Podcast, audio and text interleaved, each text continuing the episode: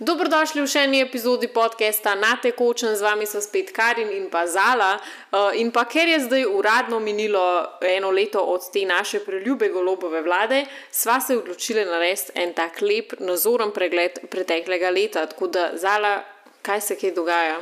Ja, eno leto nam že vlada ta nov obraz, Robert Golop in njegova stranka Gibanje Svoboda. In to leto je bilo precej pestro, veliko je bilo stvari, ki jih moramo nujno danes omeniti.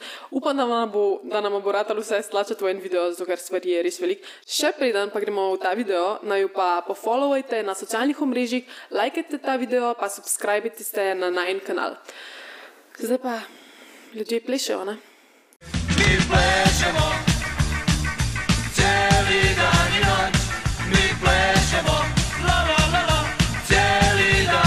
dan in poleg vseh teh nekih ekses, ekscesov, ki se jih grejo ti naši predstavniki vlade, pa teh nekih čudnih finančnih mahinacij, ki jih je delal Golob, ki je bil pač direktor genija, uh, imamo zdaj v naši državi kar visoko inflacijo. Jep. Ta inflacija je pač višja od povprečne Evropske inflacije unije, na ravni Evropske unije. Ja? In to pošteno se pozna pač v naših žepih. a ne. Recimo cene hrane pač so res abnormalno narasle. Recimo veliko ljudi zdaj že hodi v sosednje države nakupovati, kjer, je, kjer je hrana, ne vem, kjer je nek voziček teh osnovnih potrebščin. Polcnej, kar pa pri nas, ne? mislim, kar je grozen. Uh, to nas spet vrača v neke čase prejšnjega režima, ki so mogli v Avstrijo hoditi nakupovati. a ne. Potem uh, gorivo, recimo. ne. Uh, povišali so trošarine, benzin se pač draži, uh, in še celo naš uh, predsednik vlade je rekel, da tudi on zdaj živi od prihrankov, ker pač 6000 evrov na mesec je pa mečkam težko uh, prideti česa. Ne? No, potem še ena stvar, ki jo je treba definitivno omeniti, je zdravstvo. Zdravstvo v Sloveniji še nikoli ni bilo v tako katastrofalnem stanju. Ja, res, Kot je zdaj. Ljudje so čakali v vrstah, v mrazu, v zgodnjih jutranjih urah, hmm. kot v bivši državi, ne. Na meso ali pa na kakšne druge stvari. Ja. In sicer čakali so na zdravnika, zato ker so v zdravstvenem domu Bežigrad končno sprejemali pacijente.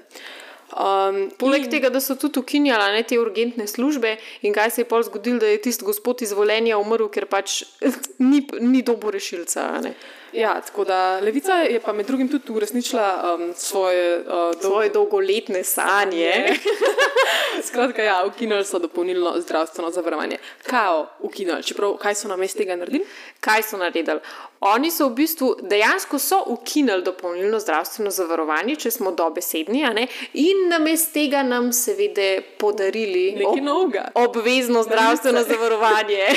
Ja, ki bo v nekaterih primerih pa je še više, kot je bilo zdaj. Ne? Ja, bo više za kakšen evro, ampak kaj je pa najbolj zastrašujoče, da zdaj pa ne levica, pa oni z njihovo to socialno, družbeno pravičnostjo, ne, ja, uh, so prišli z nekim predlogom, da bi to nekako progresivno. Um, Postavili to višino cene zdravstvenega zavarovanja, kaj pomeni, na, Da bi še glede, povišali, ne? da bi, ne, glede na višino tvojih naših prihodkov. Ne, se pravi, ta uh, cena zdravstvenega zavarovanja bi znašala od 15 pa vse tja do 200 In evrov. a je ta socialistična miselnost, kdo več ima, ne več.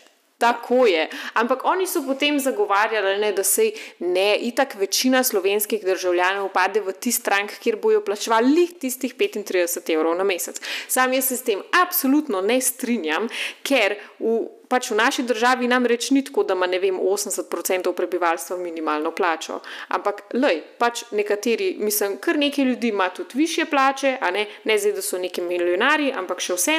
Pa pa recimo, če pa pogledamo moža predsednice države Nataša Pircmusar, ki je tajkun, ki si je na- nagrabil ne vem koliko milijonov premoženja, za njega pa močno dvomim, da bo mogel plačevati 200 evrov na mesec. ne. Okay, ampak kar in kaj pa je kaj na področju energetike, kako je z energenti pri nas trenutno v primerjavi z ostalimi državami?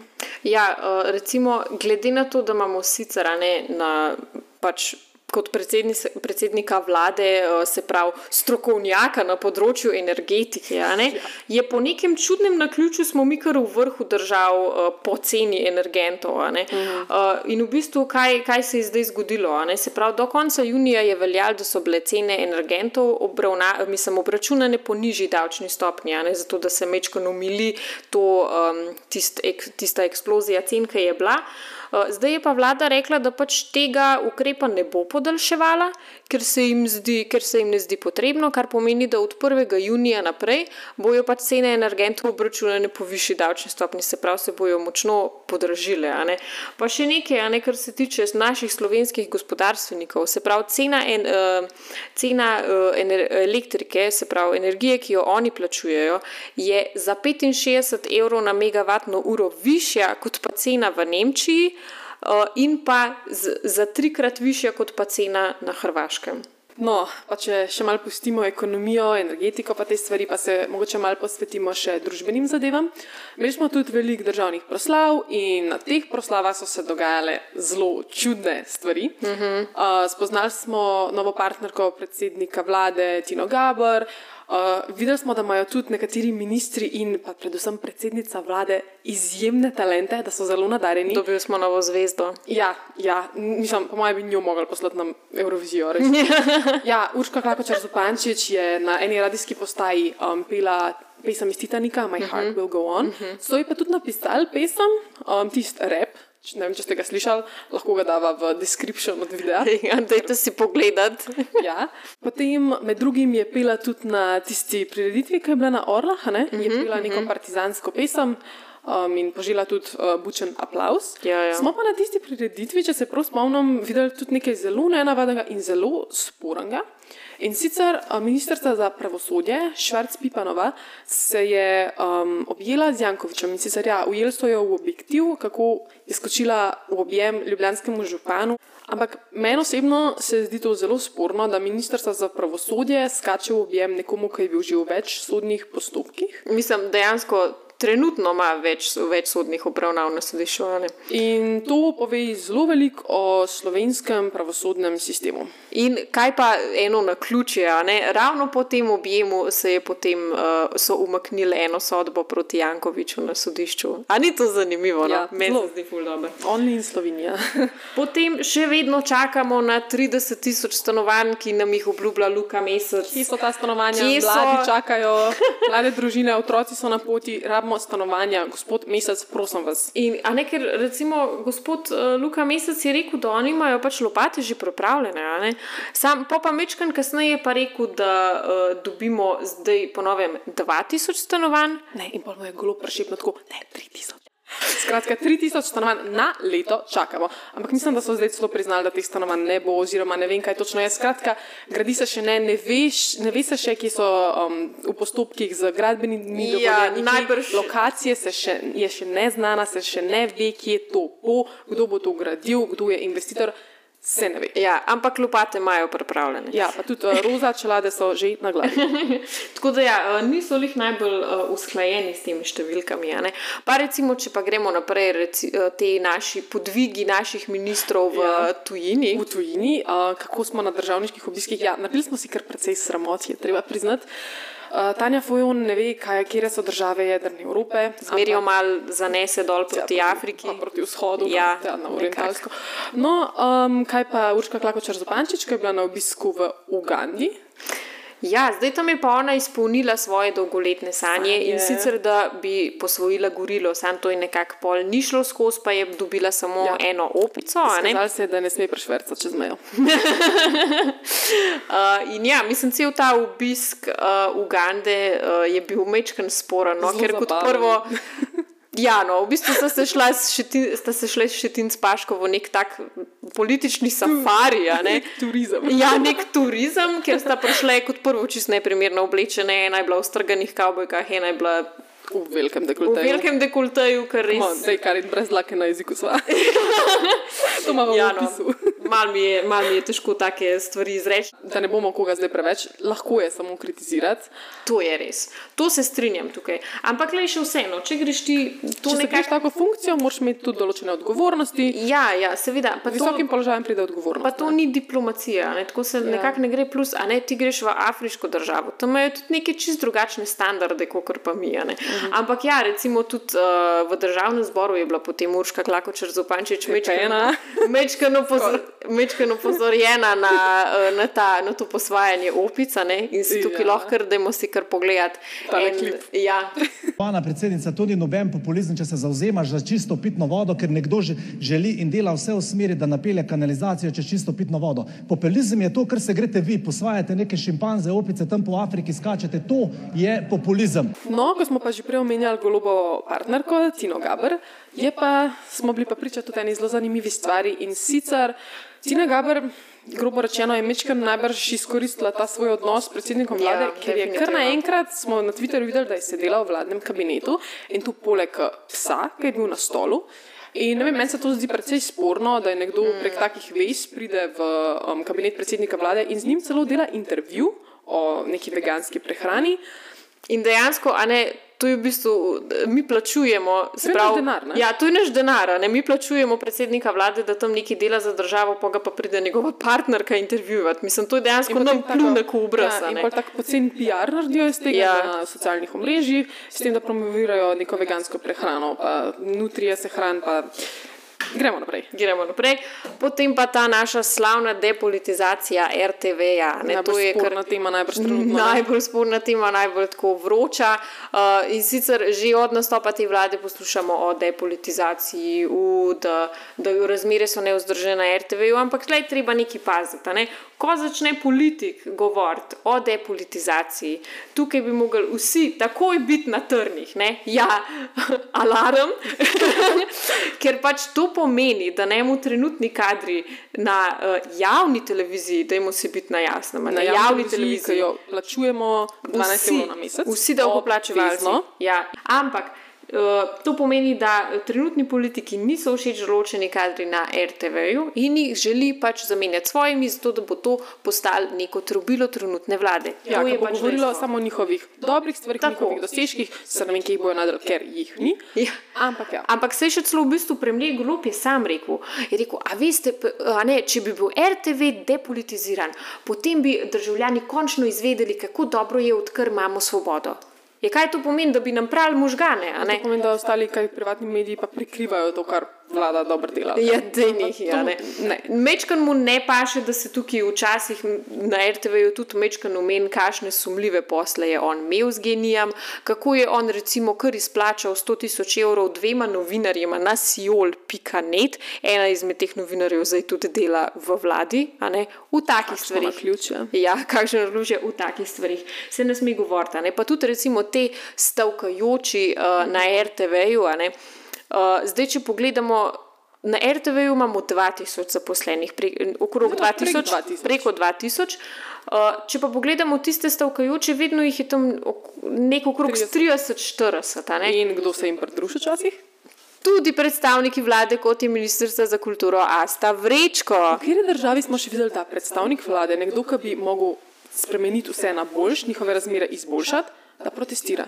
Samo v Sloveniji. Pa oni v bistvu s tem kažejo, to so v bistvu hudi pritiski na javno televizijo, kjer politika nima kaj zraven biti. Ne? A ne poleg tega, da ti zaposleni, ma, doskrat, eh, ki stavkajo, doskrat uporabljajo res agresivno retoriko. Mislim, zadnjič, ko so imeli obletnico enega leta protestiranja na RTV-ju, so naredili, mislim, take grozne plakate, dali so, v, v, oblikovali so trenutnega eh, generalnega direktorja, pa, um, pa še ene par zaposlenih, kot da so neki vampirji, pa neka kri, pa mislim, No, a veš. zato smo zdaj ustanovili tudi nov strateški forum, ki ga bo vodila um, vodja inštituta 8. marec, Nika Kovač. Ja, to je novo, tudi to se je v tem letu zgodilo. Jej. Bi pa jaz mogoče omenila še eno stvar in sicer, kaj je zdaj z dolgotrajno oskrbo? Se ne izvaja, se izvaja. Luka Mesec je obljubil, da bo do aprila, da bo to za- se zalaufal. Um, potem je pa Maljevac rekel, kaj? Ja, Mali vas je v bistvu nedolgo nazaj rekel, da oni zdaj imajo pripravljena izhodišča. Izhodišča. Kaj pomeni? Je to, se pravi, da so komi začela, ne? oni se šele pogovarjajo, namesto da bi recimo. Dela časovnice itd. Ja, ja, tako je. Ja. Recimo, lahko bi pa ponudili samo tisti zakon, ki je že bil pripravljen, bi že mogel, stopiti v veljavo, pa je dejansko bil dober. Kaj, kaj je bilo, recimo, ki je v tistem zakonu napisano zala? V tistem zakonu je bilo to, da bi upokojenci, torej tisti, ki so 40 let pošteno in trdo delali, delali za to državo in plačevali davke, lahko imeli brezplačno oskrbo na domu. In zdaj tega nimajo. Ja, in zdaj, a ne, oni to dobre stvari uničijo in pol grejo kar nekaj pisati na noga in zato bojo itak uporabili skoraj da ne cel njihov mandat, da bojo kaj od sebe dali. Pa še to najbrž ne, ne.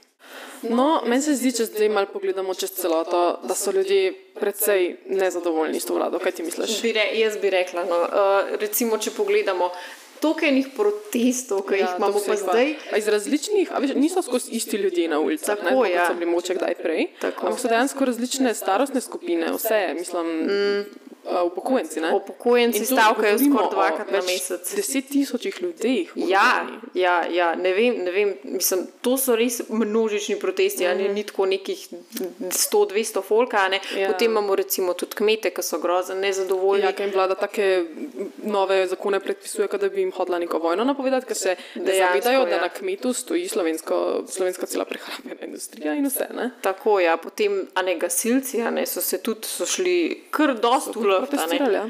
Potem medicinske sestre, um, šolniki so napovedali protest, ampak so se pol neki zmenili, ampak to je še vse odprto in na mizi. Ne? Mm, tako, ja. In še eno zanimivost smo opazili in sicer to, da kadar se to vlada vpraša, kdaj bojo nove stvari.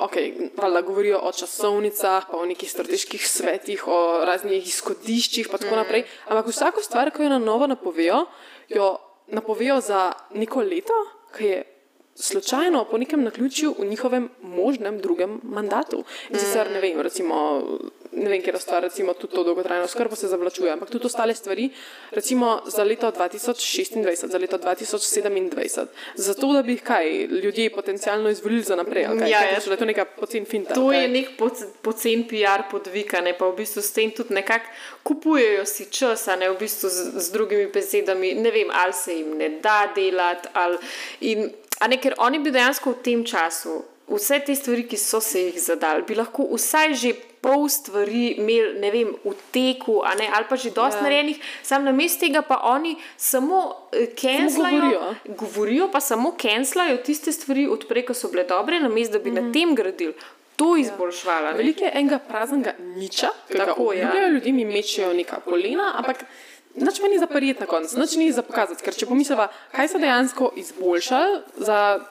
Kaj so izboljšali v našem življenju? Ne vem, ker tudi Nič. stvari, ki so dejansko so se izboljšale, recimo, ne vem, povišala se je štipendija, um, tista Cujzova, pa uskladili se je neki. Ampak to je bil predlog opozicije, kot mm. vem. Um, tudi davki so šli gor, cene ener- energentov so, so šle gor, zdravstvo je v rasulu, ljudje nimajo dostopa do osebnega zdravnika. Mm. Dejansko ne vem, če se lahko spomnim eno stvar, ki se je izboljšala, pa da je neposredno produkt in ideja te vlade. V bistvu od te vlade dobivamo same škandale. Ne? Škandal za škandalom dobi Urška Klakočar Zupančič je ima velik dela. Ne? Ona poje, ona nastopa, ona maha. Uh, potem recimo Robert Golob, ko so bile tiste res hude, hudi zemeljski plazovi, ne, ko so bile posledice poplav, a ne, ki je prišel na teren. Mislim, kaj je pa rekel ena gospa mu tam, ki je pač imela uničeno hišo, ne, mu je razlagala, Jane se drugače, da je zelo vesela, ker ima pomoč, pa so ji priskrbeli kontejner, ne, da bo v njem spala. Uh, Premijer je pa rekel, ja, ja, sej, dej, predstavljajte si, da greste v hotel, ne, na počitnice.